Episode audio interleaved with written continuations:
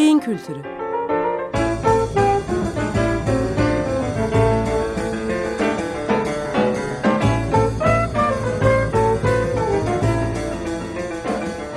Tarihten, sanattan ve edebiyattan örneklerle beyin.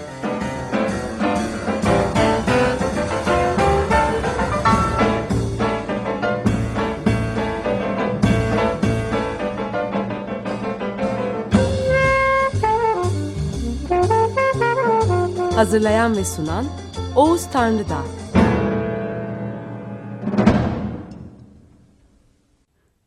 İyi günler efendim. Ee, yeni bir beyin kültürü programına hoş geldiniz. Ben Oğuz Tanrıdağ. Ee, geçen programın başından itibaren bir grup arkadaşla birlikte yazdığım ve Türkiye'de ilk olarak kabul edilen Sosyal Nörobilim kitabının bazı bölümlerinden aktarmalar yapıyorum. Hem kitabın e, isminin duyulması hem de içeriğinin e, yaygınlaşması açısından bunun faydalı olduğunu düşündüğüm için e, bunları paylaşmak istedim. Öbür yandan bir tıp kit kitap evinin tarafından yayınlanması dolayısıyla tıp dışı arkadaşların e, rastlamalarındaki zorluk da tabii beni düşündüren etkenlerden birisiydi. Devam ediyoruz efendim. Ee, aslında programın başlığı değişmedi. Sosyal ve kültürel bir nörobilim olabilir mi? Efendim dünya yerinde saya dursun. Dünya olağan mimaride döne dursun. Ee, sosyal ve kültürel nörobilim gibi henüz tanımlarını yaparken bile zorlandığımız ve teker teker prensiplerinin hala dünyanın farklı köşelerindeki laboratuvarlarda yapılan araştırmaların sonuçlarına bağlı olarak öğrendiğimiz e, bir konu etrafında yeni bir insan teorisi inşa ediliyor.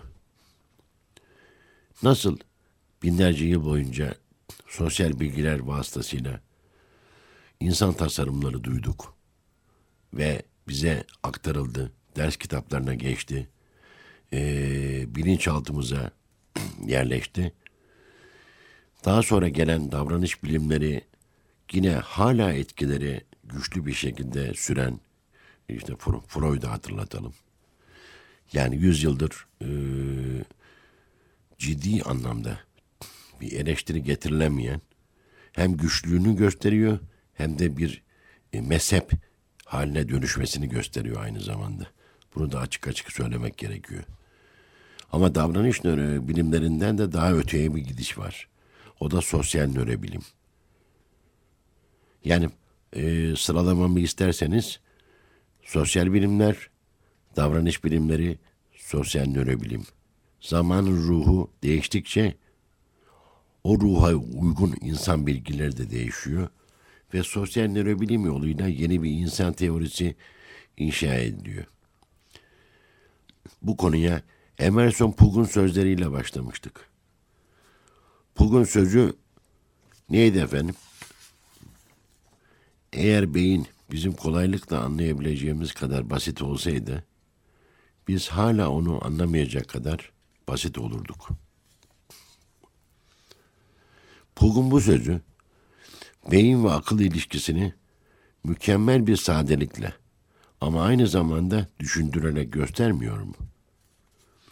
Bu sözün özeti, eğer beyin basit olsaydı, ondan türeyen akıl daha da basit olurdu demek değil mi? Üstelik bu basit beyinden türeyen basit akıl, onu yaratan beynin basitliğini bile anlamaktan aciz olurdu değil mi? Eğer bu yorum doğruysa, en azından kendi aklımızın, geleceği adına beynin karmaşıklığının yeterince keşfedilmemiş olması fena bir şey değil. Şöyle söylemek istemiştim. İnsanın bir düşünce birikimi var.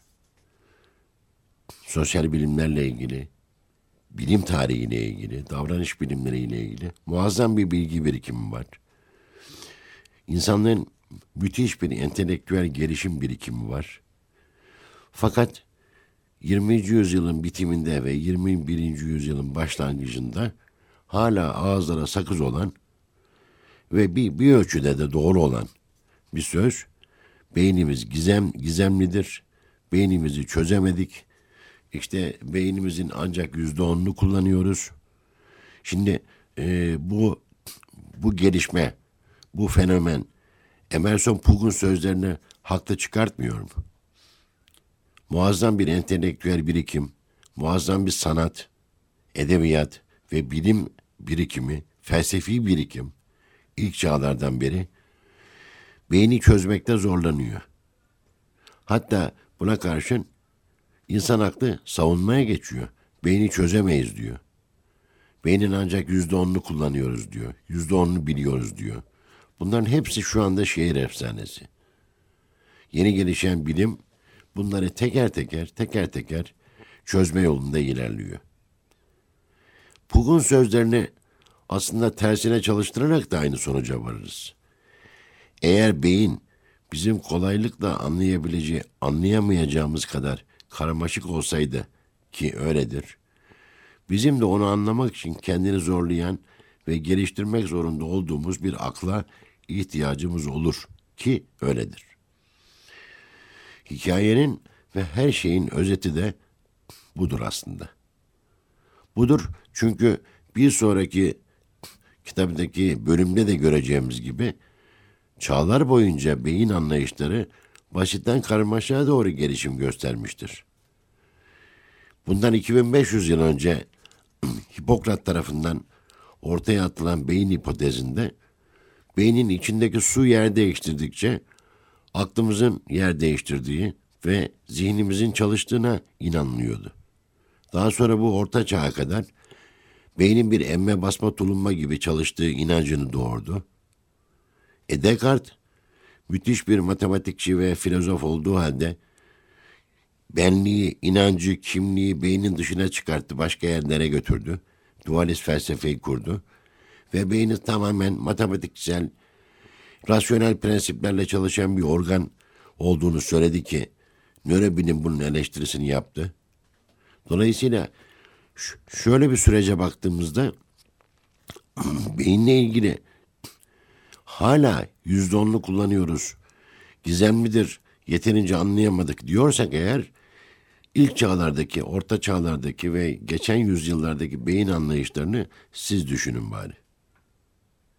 Bu süreçler içinde insan aklı hep beyniyle ilgili bilginin önünde gitmiş. Çünkü hipotezler geliştirilmiş.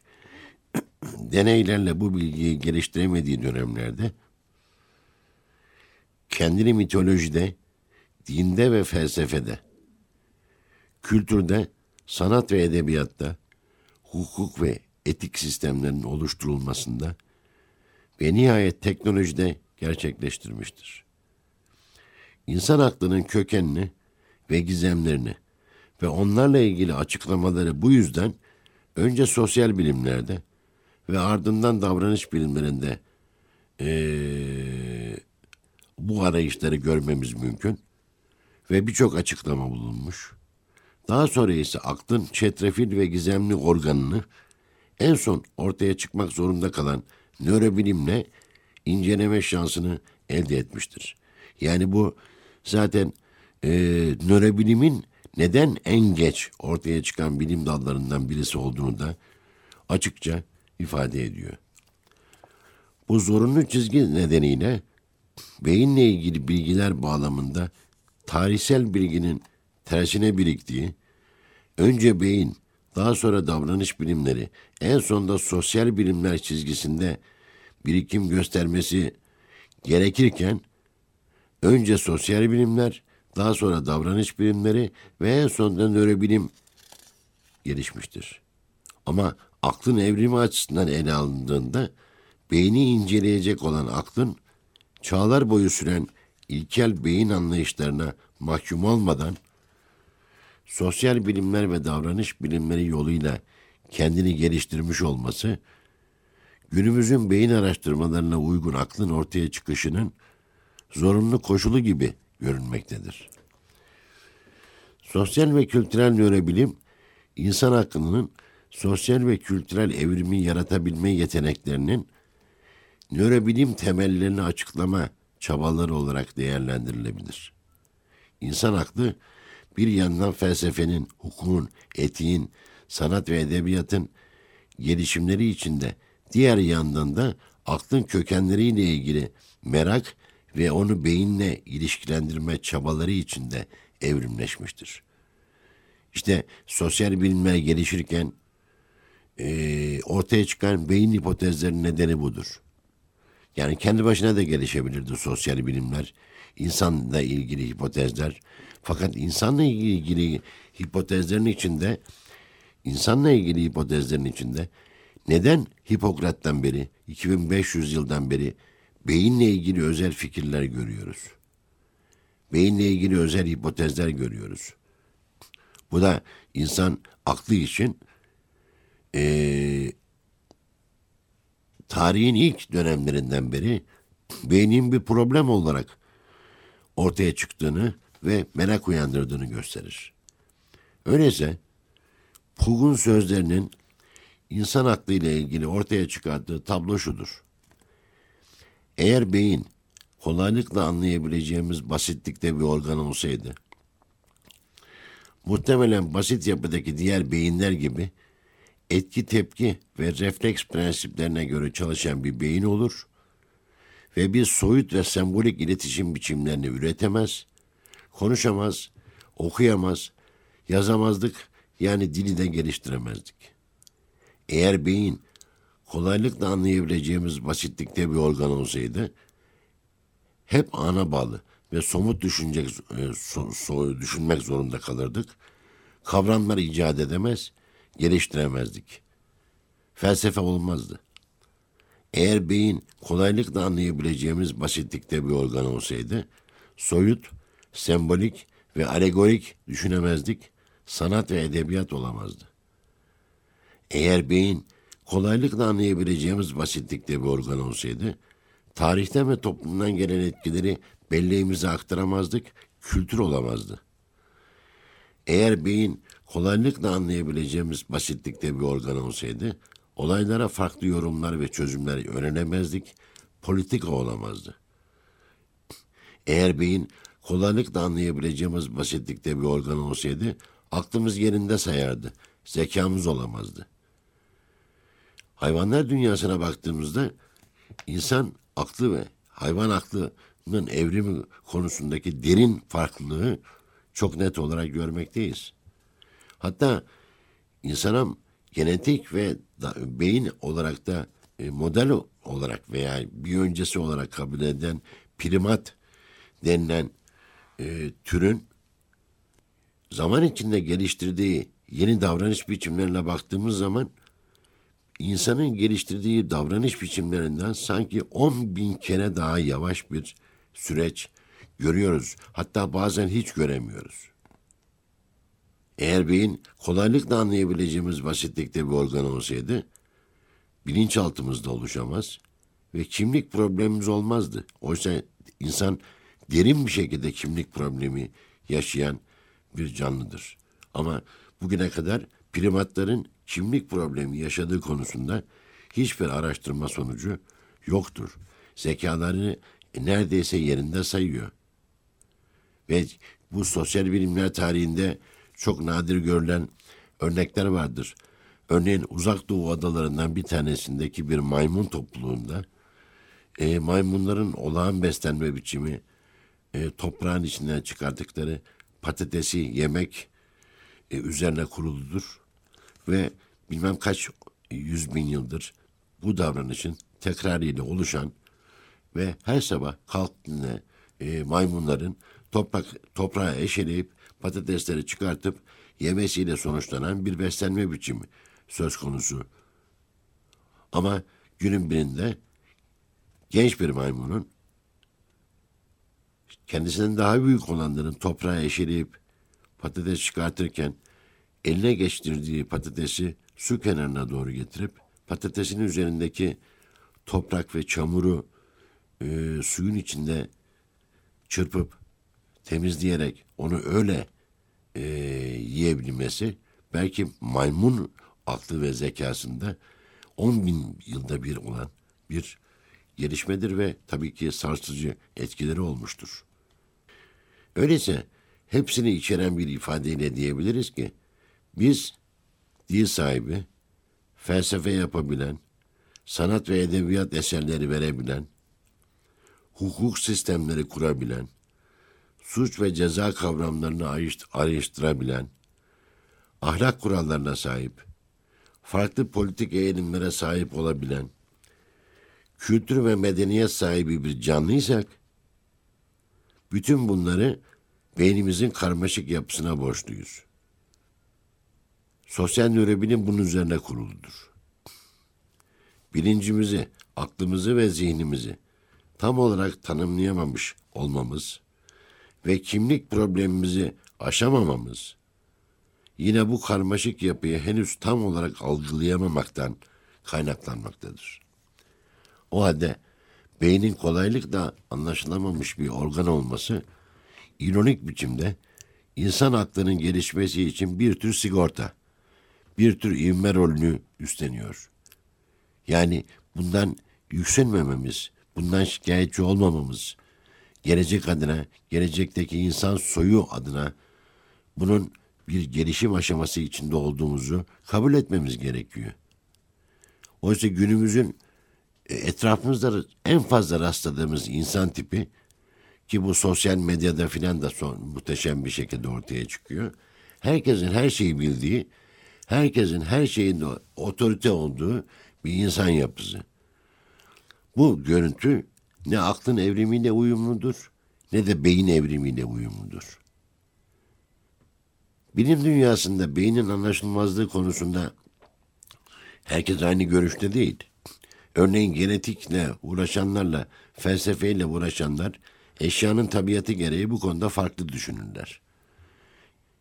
Yani felsefe ne kadar e, bütüncülse, holistik bir yaklaşım e, sağlamaya çalışıyorsa, genetik de o denli indirgemecidir.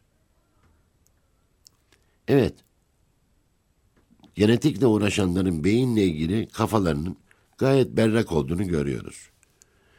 Genetikçilerin bu konuda fazla bir çelişkisi yok. Adına bilimsel indirgemecilik denilen ve genellikle temel bilimciler tarafından temsil edilen bir anlayış içinde genetik kodların çözümlenmesiyle beyinde anlaşılmayan bir şey kalmamıştır. Bakın, e, genetik bakımdan bir e, fare ve daha basit bir canlıyla yüzde doksanın üzerinde genetik benzerliğe sahip olmamız e, genetikçiler için zafer dansları e, anlamına geliyor. Peki sosyal ve davranışsal anlamda bu yüzde doksanın üzerinde genetik benzerliği olan canlıların durumu ne? Bu işte sosyal bilimler ve davranış bilimleri ile ilgili. E, sosyal bilimler ve davranış bilimleri e, çok çok yakın zamanlara kadar hayvan sosyalliği, hayvan davranışları bunlarla hiç alakalı olmamışlar. İnsanı çözmeye çalışmışlar. İnsanı çözerken kendileriyle ilgili e, hipotezler ortaya atmışlar. Ama ilk defa, ilk kez bugün sosyal nörobilim bu hipotezlerin hayvan hipotezleriyle ortak yanlarını belirginleştirip insandaki farklılığı bilimsel açıdan ortaya koyma işine soyunmuş durumda. Unutmadan genetikçilerin yaklaşımına dönelim. Örneğin DNA'nın çifte sarmal yapısını keşfedenlerden Crick, şaşırtan varsayımda şunları yazıyor. Siz, sizin mutluluklarınız ve mutsuzluklarınız, hatıralarınız ve meraklarınız, kişilik algınız ve özgür iradeniz, hepsi gerçekte sinir hücrelerinin ve onların ilişkide oldukları moleküllerin birlikte ortaya koydukları faaliyetlerden başka bir şey değildir. Kırık 2005 Burada bir problem var mı? Meseleye böyle yaklaşan insanların bu işi çoktan anladığını söyleyebiliriz. Ama bu anlayış toplumdaki farklı sosyal gruplar, tarihteki farklı sosyal gruplar ve farklı davranış kalıpları açısından ne anlama geliyor? Buna genetikçiler girmezler. O diğer bilimlere bırakılmış bir şeydir. Örneğin buna karşı işte bu Crick'in bu sözlerine karşı filozof Daniel Dennett bakın insan bilinci konusunda ne diyor? Bilinç belki de insanla ilgili son gizemdir. Öyle bir gizem ki insanlar onun hakkında nasıl düşüneceğini bile bilmiyor. Elbette başka tür gizemler de var. Kainatın gizemi, hayat ve üreme ile ilgili gizem, doğada bir tasarım olup olmadığı konusundaki gizem, zaman, mekan ve yer çekimi ile ilgili gizem. Bütün bunlar büyük merak konusudur. Kozmoloji soruları, moleküler genetik ve evrim teorisi gibi büyük sorulardır. Ama bilinç konusunda bütün bunlara kıyasla çok daha berbat durumdayız. Ona nasıl yaklaşacağımızı, onu nasıl parçalarına ayıracağımızı ve mistik halinden nasıl çıkaracağımızı bilmiyoruz. Denet 1991 Bu tablo Syracuse Üniversitesi'nden fizik profesörü Eric Hart'ın beyin hakkındaki şu sözleriyle mükemmel bir şekilde örtüşüyor. İnsan beyninin anlaşılmazlığının temelinde iki uzlaşmaz ve bağdaşmaz özelliği birden içinde barındırması yatar. Bunlardan birisi fizik aleme ait özellikleri, diğeri ise fizik alemi içinde ve beyinde net karşılıkları olmayan bilinç, akıl, zihin gibi kavramları taşıma özelliğidir. Bu sözlerden beynin fizik ve biyolojik özellikleriyle ilgili şifrelerin çözülmesinin onu anlamaya yetmeyeceği, bilinç, akıl, zihin gibi kavramların da çözülmesinin gerekli olduğu tespitini çıkartabiliriz. Ama bir konuda uyarıda bulunalım, yanlış anlama olmasın. Bilincin, aklın ve zihnin beyin içinde karşılıkları vardır. Ancak nasıl işledikleri ve oluştukları konusunda problemler, anlama problemleri, araştırma problemleri devam etmektedir. Evet, zaten bütün tartışmalarda bunlarla ilgili olarak çıkmaktadır. İnsanoğlu günümüze değin beynin fiziksel aleme ait olan özellikleriyle bu özelliklerin sonucu olan bilincinin, aklının ve zihninin özelliklerini bağdaştıramamış ve farklı yollardan yürümüştür bir anlamda fizik olandan yola çıkamamış, çıksa da son derece ilkel ve mekanik bir cendere içine sıkışmış ve ne yazık ki zorunlu olarak o zamanlar fizik ötesi diye nitelendirilen özelliklerinden yola çıkıp tersine bir yol izlemiştir. Bunun örneklerini hem nörobilim tarihinde hem de felsefe tarihinde görebiliriz. Bu örnekleri bir sonraki haftaya bırakmak istiyorum. Hoşçakalınız.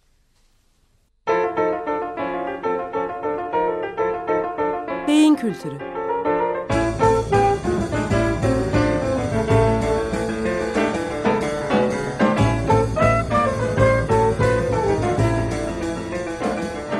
Tarihten, sanattan ve edebiyattan örneklerle beyin.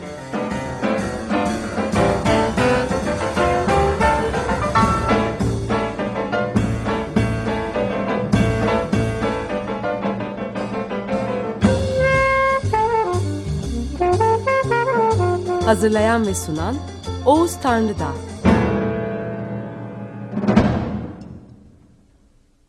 Açık Radyo program destekçisi olun.